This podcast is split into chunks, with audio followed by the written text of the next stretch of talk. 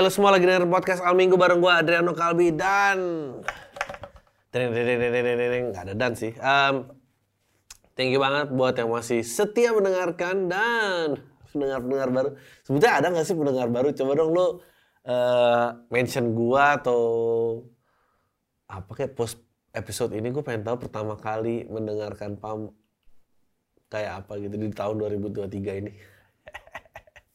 atau enggak yang lain-lain juga boleh lah ceritain pengalamannya pertama kali denger podcast Almi dan sampai akhirnya lu stay itu kenapa gue juga tidak pernah paham.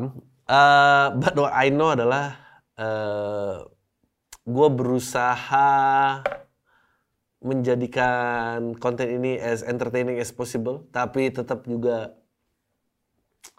uh, ya dengan tentunya dengan cara gue lah dan khasnya gue. Um, karena gini ya, gue tadi habis dengerin, gue tuh bingung.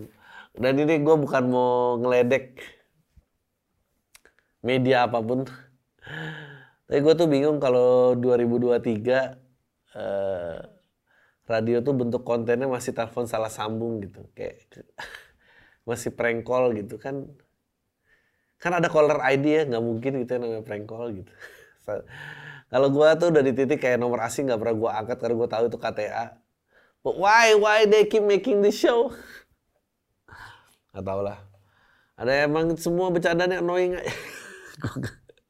gue tuh jahat banget. Gue tuh nggak boleh ngomong kayak gitu karena sekarang udah banyak yang tersinggung sama ucapan gue. Padahal inilah kalau famous tuh gitu famous fame fame tadi ucapan gue nggak penting gue tuh rindu loh ucapan gue tuh nggak penting dan bebas ngomong apa aja sekarang tuh kayak ini ini ada yang tersinggung tau lah hopefully 2023 ini uh, treating you well.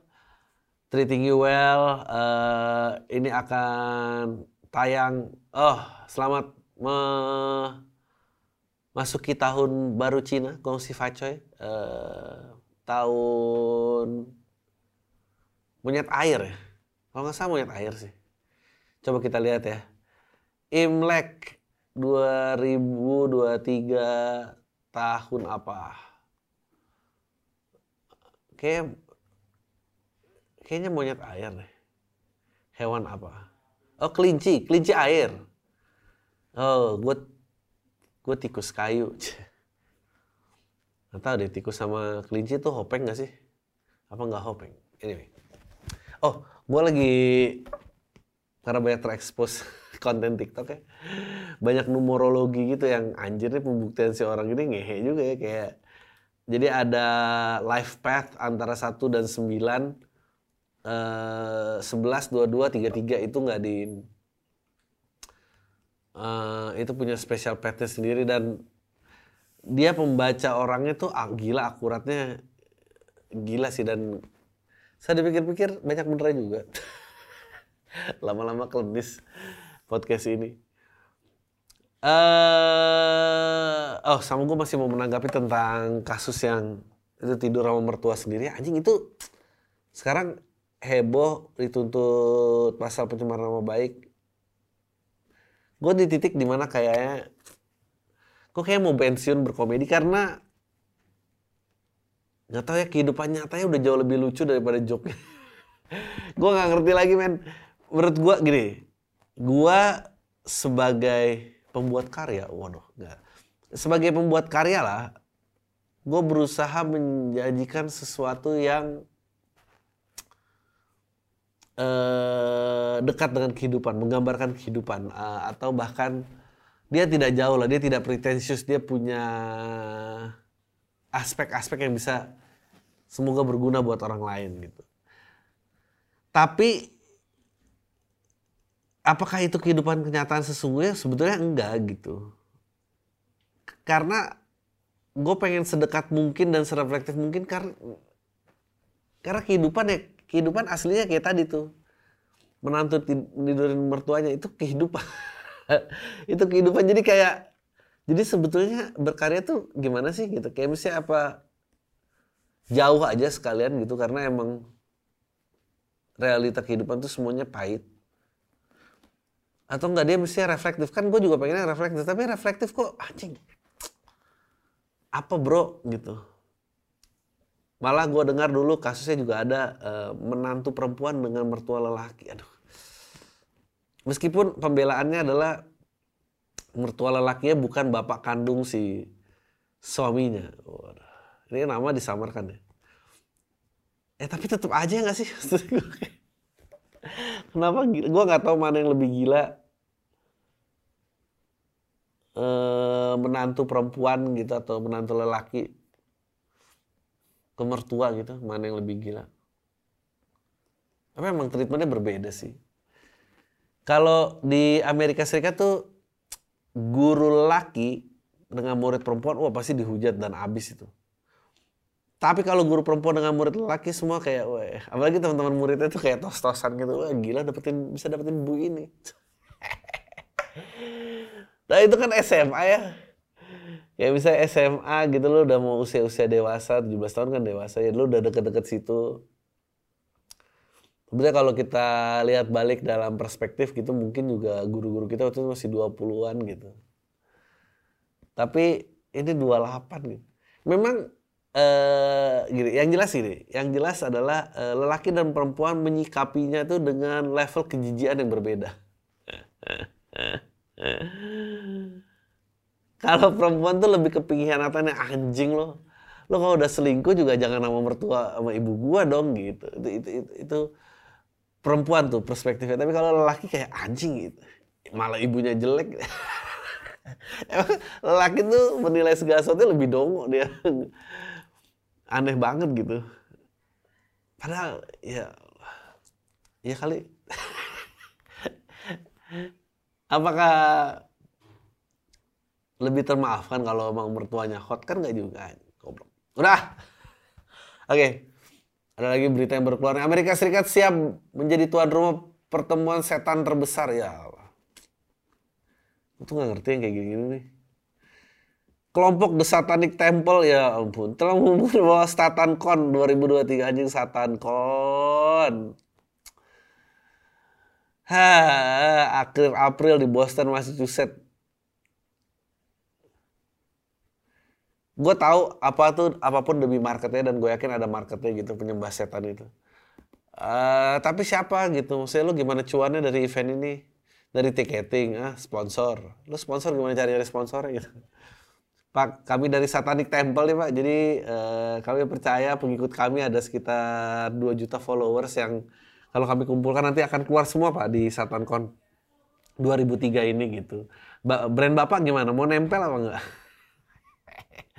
Tolak angin Satan Kon. Goblok. Siapa yang ini? I don't know. Sejujurnya buat gue any group tuh is a loser. Who, Bilber tuh bener gitu. Who joins a group gitu. What a loser. Maksud gue, bro kalau lu muja setan ya, lu tuh di titik di mana lu tidak perlu lagi afirmasi lagi dari banyak orang gitu. Kalau lu muja setan tapi insecure gitu masih harus ada orang lain anjir lu. Ya ngapain muja setan nyong gitu. Maksud gua kalau lu muja setan, lu tuh mestinya berani hidup sendirian gitu. Lu berani gak bertanggung jawab, lu maju aja gitu dengan pride lu sendiri gitu. Kalau muja setan harus kumpul-kumpul lagi mah. Ini mah sama aja. Bukannya the point of muja setan tuh biar gak ada ibadahnya ya? Kalau muja setan ada aturan ibadah lagi mah. Apa bedanya nyong? Kenapa kalau terus apa gitu yang mau diajarin apa gitu? Kalau gak ibadah nyembah setan lu masuk surga ini ancaman apa? how? How, how, how? Bagaimana caranya? Ada orang-orang yang bilang kayak satanis tuh tidak nyembah setan, tapi menyekutukan kata-kata pencipta dan pembawa pesannya gitu. Itu udah dianggap benar. Ya tapi terus apa? Sakit hati, kalau cuma sekumpul sakit hati gitu. Gue tau lah gimana ceritanya semuanya gitu kan. Orang tua ngarepin lo masuk IPA tapi tapi anak-anak sekolah enggak mau IPS aja mulai dari situ kan lu nggak akur sama orang tua lu kan udahlah Aneh banget. TST terkenal dengan mengajukan tuntutan hukum terhadap otoritas lokal dan negara bagian mengklaim pelanggaran kebebasan beragama ketika tuntutan mereka untuk menyampaikan doa setan ya Allah atau memajang patung setan di seperti publik ditolak. Ya iyalah ditolak goblok. Pada Juli 2021. Gue nggak nggak paham. Nah, kalau lu nyembah setan ngapain lu ada begini-begini lagi. Apalah nggak ngerti gue. Ada-ada saja aja headline di berita ada-ada saja bocah ini masukkan termometer ke penis saat masturbasi. Ya Allah. Gimana sih caranya? Anak laki-laki di Cina harus dukung gitu banget naik ke meja operasi setelah masukkan sebuah termometer ke penis. Saya terpaksa menjalani operasi kandung kemih untuk mengeluarkan alat pengecek suhu. Insiden ini terjadi di Chengdu. Makanya udahlah, Covid-nya gak usah ditahan di rumah lagi, disuruh keluar aja dah. Di rumah pada aneh-aneh gitu tinggal. Kesakitan luar biasa selama 9 jam. Mereka harus melakukan operasi lubang kunci. Mereka khawatir mencabut benda itu karena merusak organ bocah malang tersebut. Bocah itu mengaku kepada petugas medis bahwa dia telah masukkan termometer untuk kenikmatan seksual seperti yang dikutip dari prak ini adalah praktik seksual beresiko yang dikenal sebagai sounding. Anjing, kenapa namanya sounding? Sounding mah. Eh gue besok meeting nih gue sounding. yang menurut para ahli kesehatan jawab peningkatan infeksi ya iyalah. Aduh, Dongeng-dongeng orangnya. Eh, lucu banget ini. Lebih pentingkan hasrat BAB perampok di Meksiko diringkus polisi saat boker. Udah gitu boker lagi tulisannya. Uh, ya tapi emang kalau kebelet mau gimana? You know what would be funny? Kalau digerebek tuh dia celana, dia lagi di WC jongkok pegang senapan, oh gitu.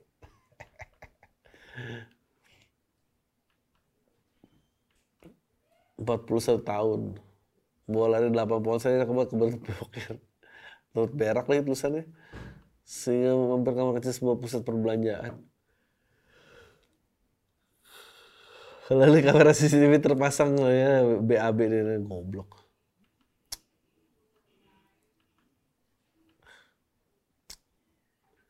Tapi emang mau gimana? mau ditahan nggak mungkin kan?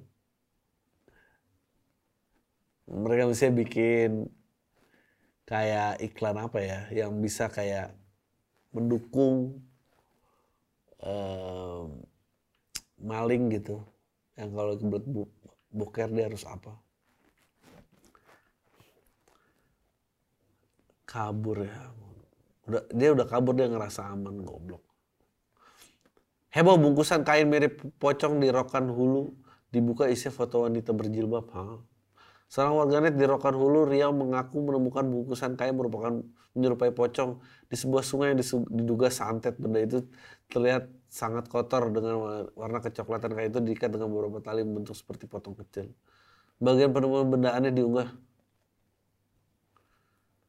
Uh, Iko iyo namanya. Cinto ditolak dukunku ber, dukun pun bertindak goblok.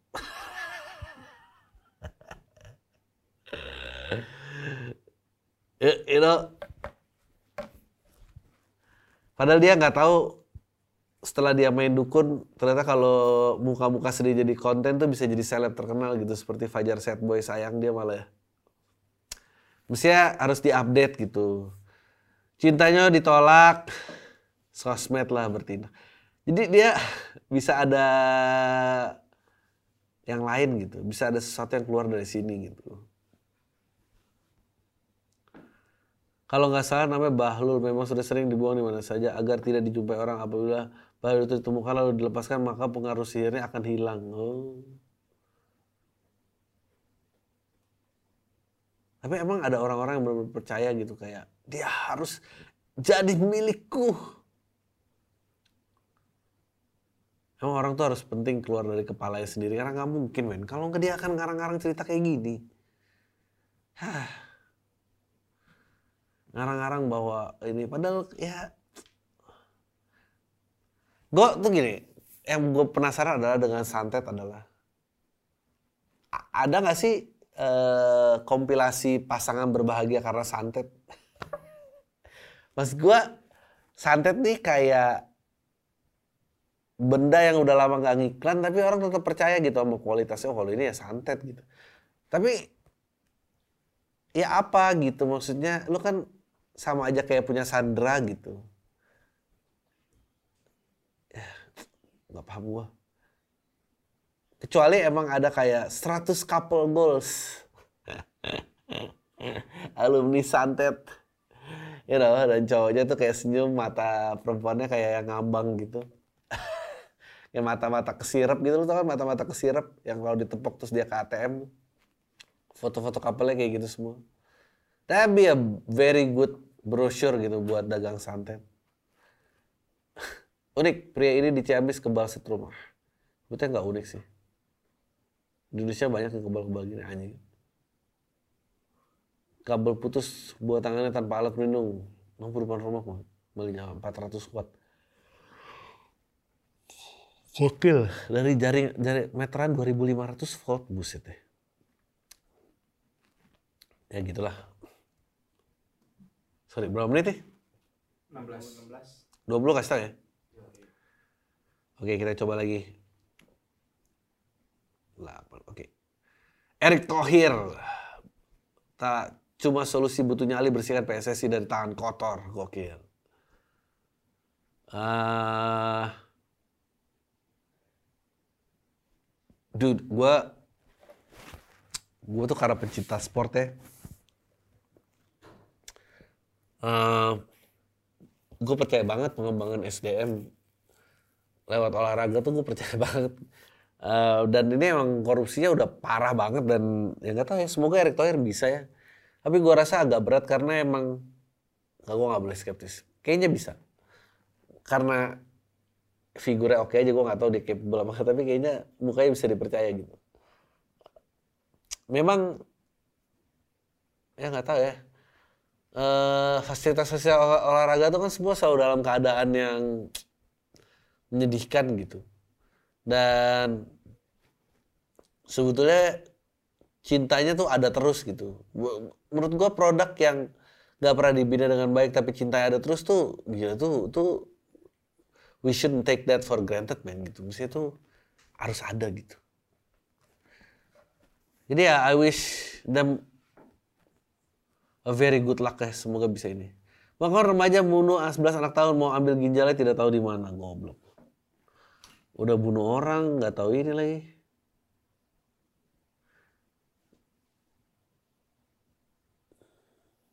Akan dijual saya baca harga ginjal 80 ribu dolar. Emang dia 1,2 miliar.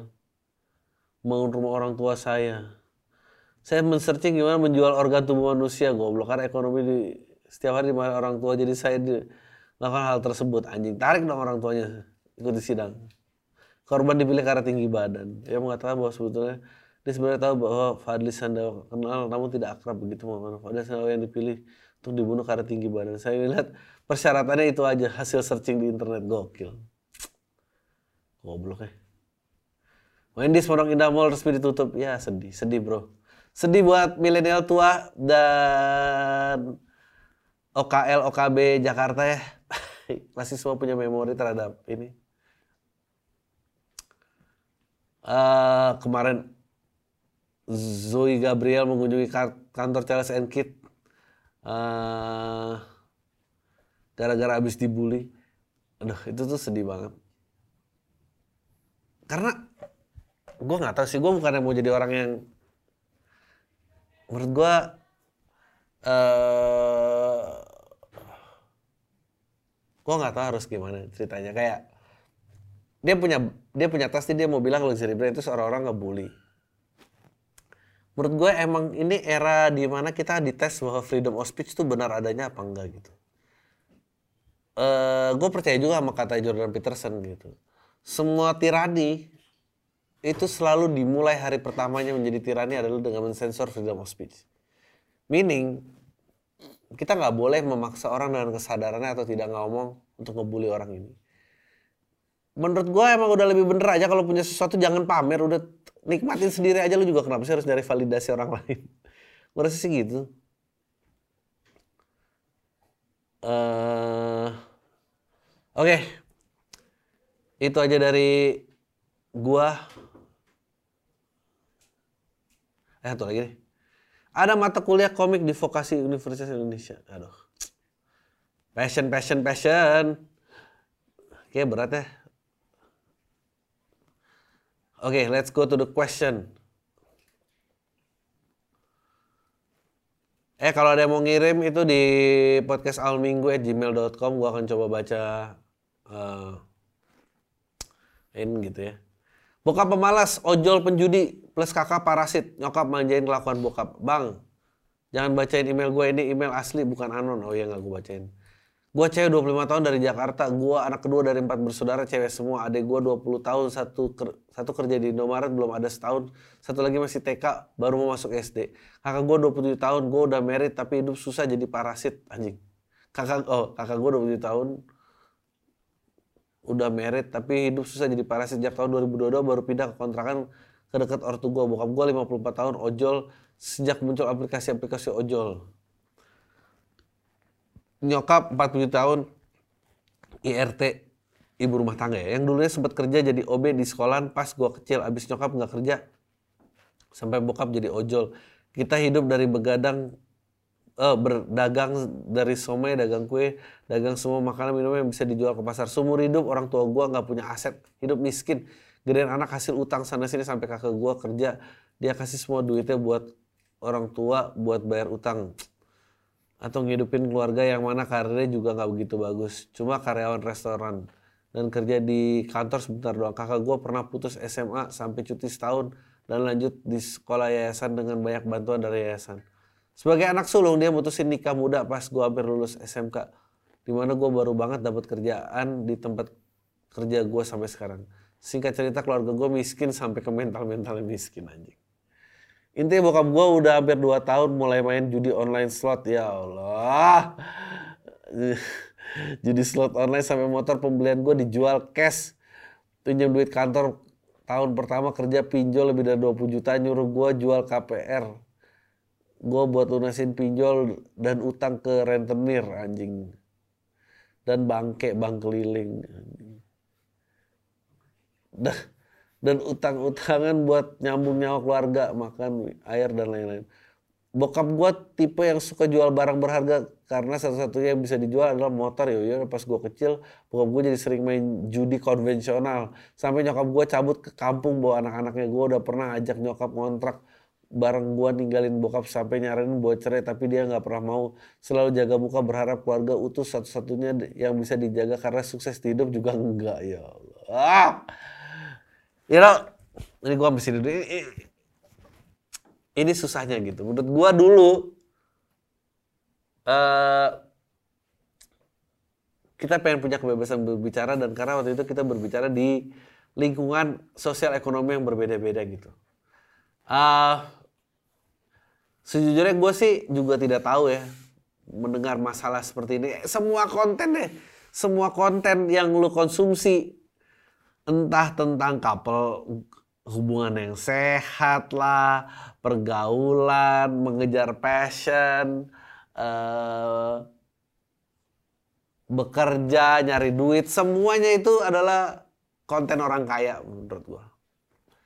Makanya mulai ada peristiwa si Charles and Kit ini. Karena memang dia orang kaya sebenarnya Charles and Kit jadi kata-kata. Tapi karena udah mulai ada anak-anak yang tidak beruntung itu jadi dalam pergaulan komunikasi yang sama, makanya ini terjadi. Dan gue nggak akan mau jadi orang yang gue ngerti penderitaan gue tahu gimana cara ngatisin lu tenang aja.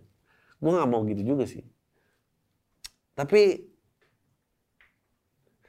ya ya oleh karena itu gue bilang ya gue ini berat banget hidupnya gue nggak pernah hidup kayak gini gitu. Oke lanjut ya guys sampai situ kakak gue pertama udah punya cuma beda 2 tahun adik bungsu gue keponakan lahir 2018 adik bungsu gue lahir 2016 sering saya minjem duit terus-terusan. Hidup bersaing miskin sama nyokap gue udah setengah periode dia pindah ke kontrakan dekat rumah ortu gue dia numpang makan dan numpang nitip anak buat diasuh ke nyokap gue di mana dia sendiri nggak kerja dan ngandelin suaminya ipar gue yang cuma lulusan SD doang. Jadi dua pilar di keluarga gue adalah gue dan adik gue yang baru kerja di Indomaret ini. Karena bokap narik ojol hasil nggak pernah ada malah main slot utang di mana-mana nyokap masih layanin kayak nyiapin makan ambil anduk mandi siapin tempat tidur nyuci dan lain-lain. Like ERT produk patriarkis. Aduh. Ini sedih banget ini. Yang mana laki nafkain juga enggak bokap selalu ngeremen anak perempuan tapi dia sendiri hidup dari anak-anak perempuannya. Lulus SMK gue biayain gue biayain kuliah gue sendiri. Kerja back office sampai sekarang part time jadi kru restoran 2 tahun lanjut jadi freelance WO wedding organizer sampai sekarang. Gokil Bokap gue juga cuma berani neken minta duit ke gue doang. Ke kakak gue nggak pernah minta duit. Selain kayak parasit dia juga nggak pernah ngasih bulanan atau duit sejak nikah sampai sekarang. Ke adik gue yang kasir juga masih gengsi, masih jaga image juga nggak berani minta duit. Parah minta duit ke gue. 17 Desember 2022 bokap gue tiba-tiba neken gue minjem sejuta buat bayar uh, apa tadi jangan bilang Batak dong ini Batak apa sih singkatannya tadi oh rentenir buat bayar rentenir maksud. Bayar terus janji bakal bayar begini begitu oh ya buka masih ojol karena cicil motor pakai nama adik gue yang dikasih Indomaret. Keadaannya gue lagi ujian di kampus dan lu tahu nggak buka gue ngancem kayak masuk kampus buat cari gue dan untungnya gue udah ngumpet bilang udah pulang naik busway. Dia ngamuk telepon gue ngancem di rumah. Begini begitu sampai malam jam 11 gue dibangunin tidur cuma buat dengerin dia marah-marah sampai nyabut gesper ke badan gue di situ gue yakin kalau dia udah kehilangan gue Gila men, gue cewek 25 tahun masih digebukin aja perkara nggak mau ngasih duit. Gue nggak bilang gue beda dari mereka, tapi udah tiga kali gue ngekos sendiri. Gak ada yang bertahan.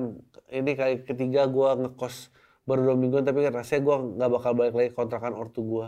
Tanggal 17 Desember gue tahan-tahanin sampai 25 Desember gue ngekos di rumah di dekat rumah cowok gue sampai sekarang gak gue kasih tahu keluarga gue di mana kosan gue gue bilang biarin gue kerja seperti biasa di kantor biar tetap bisa kasih mereka uang bulanan.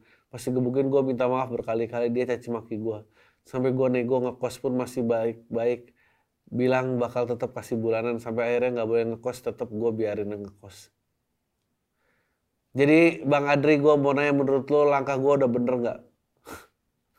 Gue baru mau bilang gue nggak bisa relate Hah, kalau boleh tahu tanggapin kasih saran gimana serius bang? Uh, tetap tay tayin gue aja bang, thank you kalau udah bacain. Ah, lu udah bener sih, karena nggak akan ada bedanya lu di rumah. Jadi mending jauh aja. Uh, ya, nggak ada bedanya jadi udah bener jauh aja. Gue cuma mau sampein kalian bener kata Bang Adri, kalau masalah ekonomi memang susah mana ada waktu buat mikir masalah mental atau healing. Gitu. Lu tau gak sih bang, gue pas sekolah mikir kalau udah kerja ada uang bakal beli ini beli itu liburan ke sana ini ke sana. Tapi ke ujung-ujungnya gue ngelakuin itu semua karena karena itu duit gue dan gue tahu betapa susah nyari duit. Masa gue habisin cuma buat hahaha anjing siapa pun nama lo uh,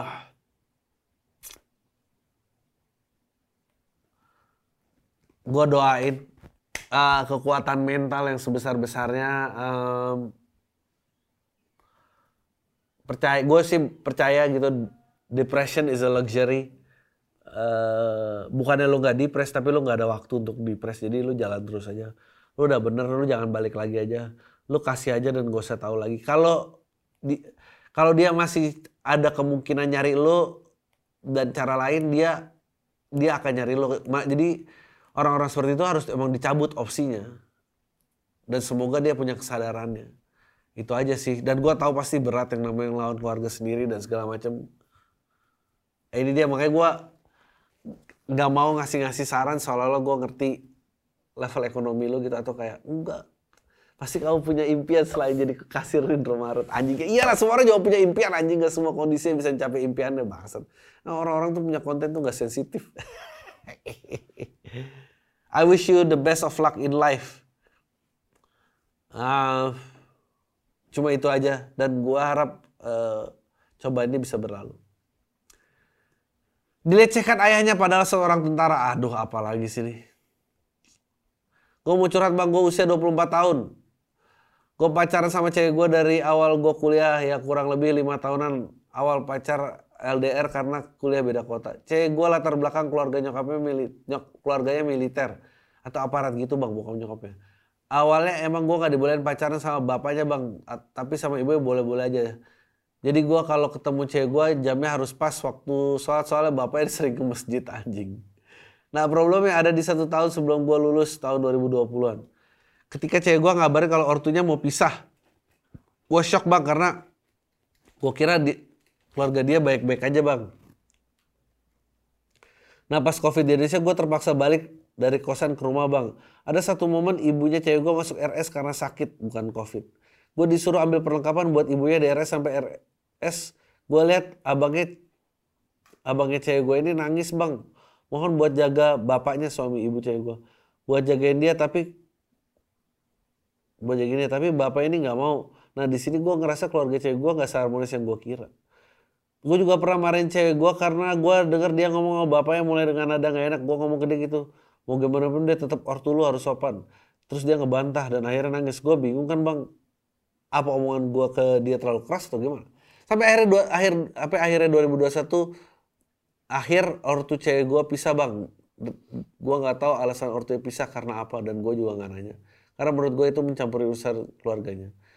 Setelah itu semua normalnya gue liat cewek gue dan ibunya dan cewek gue ibunya adiknya juga kayak siap-siap aja menerima buat pisah. Walaupun harus keluar dari rumah. Nah 2022 akhirnya cewek gue cerita bang alasan kenapa ibu sama bapak pisah? Satu alasannya yang bikin gue murka itu adalah itu cewek gue ternyata pernah dilecehkan pada bapaknya pas dia pas SD notabene. Aduh. Nyesel gue bang. Pernah bilang mau gimana pun ortu lu gue jadi inget cerita itu dan ingat ekspresi cewek gue pas cerita gue rasa mendidih darah di tubuh. Alasan cewek gue nggak langsung cerita karena dia nggak mau pandangan gue ke bokapnya berubah. Tapi semenjak cewek gue cerita itu gue udah nggak mau lagi bang nyebut atau nginget nama bapaknya. Bayangin muka bapaknya gue udah muak. Ya makanya jangan sok tahu makanya jangan sok normatif. Uh, menurut gue kita tuh sering banget ngerasa kenal orang tapi pada kenyataannya kita nggak pernah benar-benar kenal orang gitu. Ya lo kenal apa yang bisa diperkenalkan aja gitu. Tapi kehidupan rumah tangganya kehidupan pribadi kita pikirannya kita nggak pernah tahu Cewek gue juga kesal sama ibunya karena kenapa baru sekarang baru buat keputusan untuk pisah padahal kejadian udah dari SD. Gue udah kasih pengertian ke dia mungkin karena nyokapnya masih ngumpulin uang buat modal keluar rumah. Ya, kembali lagi ekonomi ya. Menurut gue ekonomi itu jadi penting karena kalau ekonomi nggak perlu dipikirin, lu bisa bergerak sesuai dengan perasaan lu. Problemnya adalah kalau ekonomi yang mandek itu, perasaan pun juga jadi harus ngantri. Hah, sekarang yang gue pikirin gimana kalau misalnya gue nikah sama dia bang? Dalam agama gue kan wali tetap bapaknya bang. Sedangkan buat ketemu ingat muka bapaknya nggak sudi. Menurut lu gimana udah bang gitu aja. Mungkin terlalu panjang ceritanya. Makasih udah baca uh, ya menurut gue ceritain aja ke penghulu. Gimana ceritanya uh, lagi mulai lu kayak mau kawin aja. Ntar aja lah kalau udah beneran mau kawin baru ngomongin ini. Gue rasa pasti ada solusinya. Kalau semua yang mau dinikahin konsensus nggak ngundang bapaknya ya cari orang lain lah. Jangan dibikin susah men. Oke. Sebelum gue nulis email ini, cuma karena penasaran bang, gue nggak niat jual narkoba, cuma niat tapi nggak berani. Soalnya gue juga nggak kepepet amat. Gue kemarin baru nonton satu dokumenter di Netflix, gue baru tahu ternyata banyak penjual narkoba di luar negeri yang pakai trik supaya mereka nggak bakal ditangkap polisi. Cara mereka, caranya mereka nggak ngestok dan nggak ngejual narkoba terlalu banyak tapi ada takarannya misal tiap bulannya pokoknya cuma ada beberapa gram doang dan itu udah nah itu mereka nggak ditangkap polisi kalau menurut saya dilakukan di Indonesia bisa works nggak apakah polisi bakal tetap menangkap dan mengendus kita tapi masa sih cuma jual berapa gram doang kena tangkap? Bukannya mereka kalau di TV cuma nangkap tangkapan besar doang? Nggak sih. Kalau lu penjual narkoba di Indo apa yang bakal lu lakuin supaya nggak ketangkap polisi anjing? Saya mah oh enggak dong masuk jebakan anda jawab email kayak gini anjir. Kalau di Indonesia menurut gue beda lagi pertarungannya karena uh, Gak, gue gak mau menuduh apa-apa. gue gak percaya pokoknya ada yang beredar itu polisi gak tahu. Cuma udah, gue tinggal habis itu aja. Oke. Bang, semoga sehat selalu. Bang, gue izin buat monolog juga tapi konsepnya kayak pam gitu nggak apa-apa kali ya. Kenapa emang ya? Nggak apa-apa lah nggak tahu buat kenapa punya confidence aja gitu buat monolog by the way latar gue belakang gue stand up gue jadi udah jadi Tyler tahun 2019 sebenarnya gue udah tahu dari 2014 karena nama lo disebut disebut-sebut eh, disebut-sebut di stand up tapi gue nggak nemu video di YouTube jadi nggak tahu gimana gaya stand up lo doain supaya gue kayak pinter kayak norak. Uh, belajar dari Adriano Kalbi. Anjing. Apa lagi nih? Salam Adri. Semoga lo sehat selalu bang. Lu nggak capek apa ngobrol sama tamu lu gue ini jarang dengerin pam karena isi tamu mulu. Karena yang gue cari pam itu cuma pas lu bego-bego adrilicious dengan cerita goblok ya bang by the way gue nonton LSS Jakarta lo dan itu pengalaman nonton stand up komedi terbaik gue di 2022 bahkan dibandingkan ini ini wah gokil bagus gue gak mau sebut namanya kasihan gue tahu kok tapi gue yang terbaik Udah lah dibanding ini ya lu pecah banget sih bang C. Terus ada peresmian kolam tai jadi serius. Nggak itu bukan peresmian. Anjing kenapa sih orang udah tahu itu buat ledekan malah jadi peresmian. Oke, gue jadi sekarang sedang bekerja di salah satu kantor yang cukup besar di Jakarta selama kurang lebih dari setahun lah di kantor ini. Gue juga sekantor sama mantan gue pas SMA anjing. Sebelum gabung ke kantor, gue emang udah chatan mantan gue ini untuk tanya-tanya tentang kantor ini dan gue juga kabarin dia kalau mau FWB lagi gue mau aja nggak uh, dia juga ngabarin gue kalau keterima di kantor karena pas awal-awal gue juga join mayoritas masih EWFH gue nggak punya uh, banyak teman di kantor hasil temen gue di kantor cuma mantan gue ah bisa aja lo anjing. Beberapa temennya dan beberapa temennya. Setiap setiap ada teman mantan gue teman mantan teman mantan gue yang tanya gue cuma bilang kalau dia teman SMA aja. Karena nggak pengen ngumbar ngumbar gitu. Bagus! Itu baru benar. Lagian buat apa juga gue tau mantan gue ini suka deket sama banyak cowok jadi gue pikir kalau orang-orang tahu dia mantan gue pasti bakal jadi omongan orang kantor apalagi si cewek ini emang udah berapa kali bang deket sama orang kantor bagus. Jangan norak. Beberapa bulan kemudian pas udah mulai masuk kantor lagi baru gue punya teman kantor selain teman-teman mantan gue ini. Karena pergaulan kantor tuh masih nggak jauh-jauh ya. Teman-teman baru gue ini lebih dulu kenal sama mantan gue dan circle-nya terus ada satu temen yang gue nyentuh oh lu tuh mantannya si ini ya? Nah mantan gue ini udah bocor duluan ke teman-temannya kalau gue mantan dia tai beneran dong gue pernah jadi bahan omongan kantor pernah sekali mantan gue lagi deket sama satu senior gue bang yang dan dia benernya buat dan bener aja teman-teman senior gue suka ngecengin dia buat nanya tips-tips deketin mantan gue ini ke gue lah hanya apa artinya mantan gue ini bangga ya bang punya gue mantan kayak gue tai goblok. Terus karena circle gue sama mantan gue masih deket deket aja jadi kalau kantor gue masih sering duduk sama mantan gue teman-teman gue juga suka ngecengin gitu. Gue buat balikan sama mantan gue tapi karena udah sering dengerin pam gue udah belajar banyak supaya nggak jadi loser-loser kayak pendengar lo Nah, yang yang lain bang, walaupun gue tetap biasa aja sih masih suka speak speak iblis ke mantan gue goblok. Apalagi juga tahu kalau mantan gue ini cowoknya banyak dan gue udah dua kali pacaran sama mantan gue ini anjing. Gue belajar dari beat lu bang. Kalau nggak salah beatnya kayak gini. Kalau sekali itu namanya coba-coba, dua kali itu kesalahan, tiga kali itu pelanggan tetap. Nah, gue nggak mau bang jadi pelanggan tetap. Mendingan gue cari vendor baru yang lebih bagus, goblok. Udah bang sekian cerita gue, gue tunggu penampilan spesial yang akan datang Thailand semua. Ya benar, anjing. Gue nggak tahu ya lo umur berapa, tapi kayak gue tuh uh, apa ya? SMA tuh berasa jauh banget. Ini tahu, ini gue 39 coy. Gue lulus SMA tuh kayak 12 tahun yang lalu anjir. Eh, enggak. Gue lulus SMA 2002 cuy, 20 tahun yang lalu, 21 tahun yang lalu, gila lu. Ini kalau ngomongin SMA tuh apa mantan itu, ah mantan SMA. Ayo ada kejadian lucu sih, gue kemarin, uh, jadi dia ini, uh,